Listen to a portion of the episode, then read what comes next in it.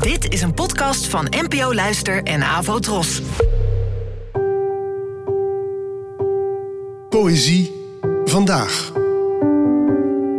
Met Ellen Dekwits.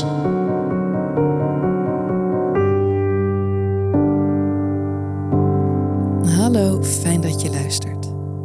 Het gedicht van vandaag werd geschreven door de Argentijnse dichter Roberto Juarros, geboren in 1925 en gestorven in 1995. Het werd vertaald door Robert Mulder.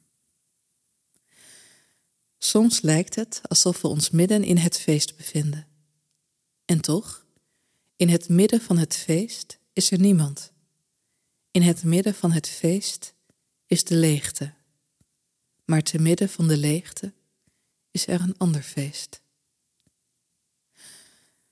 Soms maken bepaalde zaken hun verwachtingen gewoon niet waar. Die baan waar je zo op hoopte valt, een burn-out later, toch tegen. De geliefde waar je van droomde blijkt toch niet de perfectie zelf, maar, zoals bij wel meer mensen, gewoon een mens.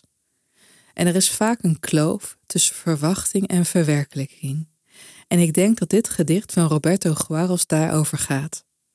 Je denkt op een feest te zijn, of dat nou een letterlijk of figuurlijk feest is, en boem, in het midden ervan is opeens een leegte, een soort gemis van hetgeen waarop je je juist verheugde.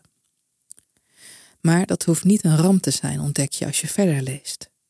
Want juist in die leegte is er ruimte voor iets dat wel fijn is.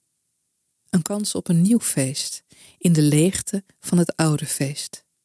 Met andere woorden, wie voorbij zijn verwachtingen leert kijken, ziet dingen die juist door die verwachtingen aan het zicht werden onttrokken.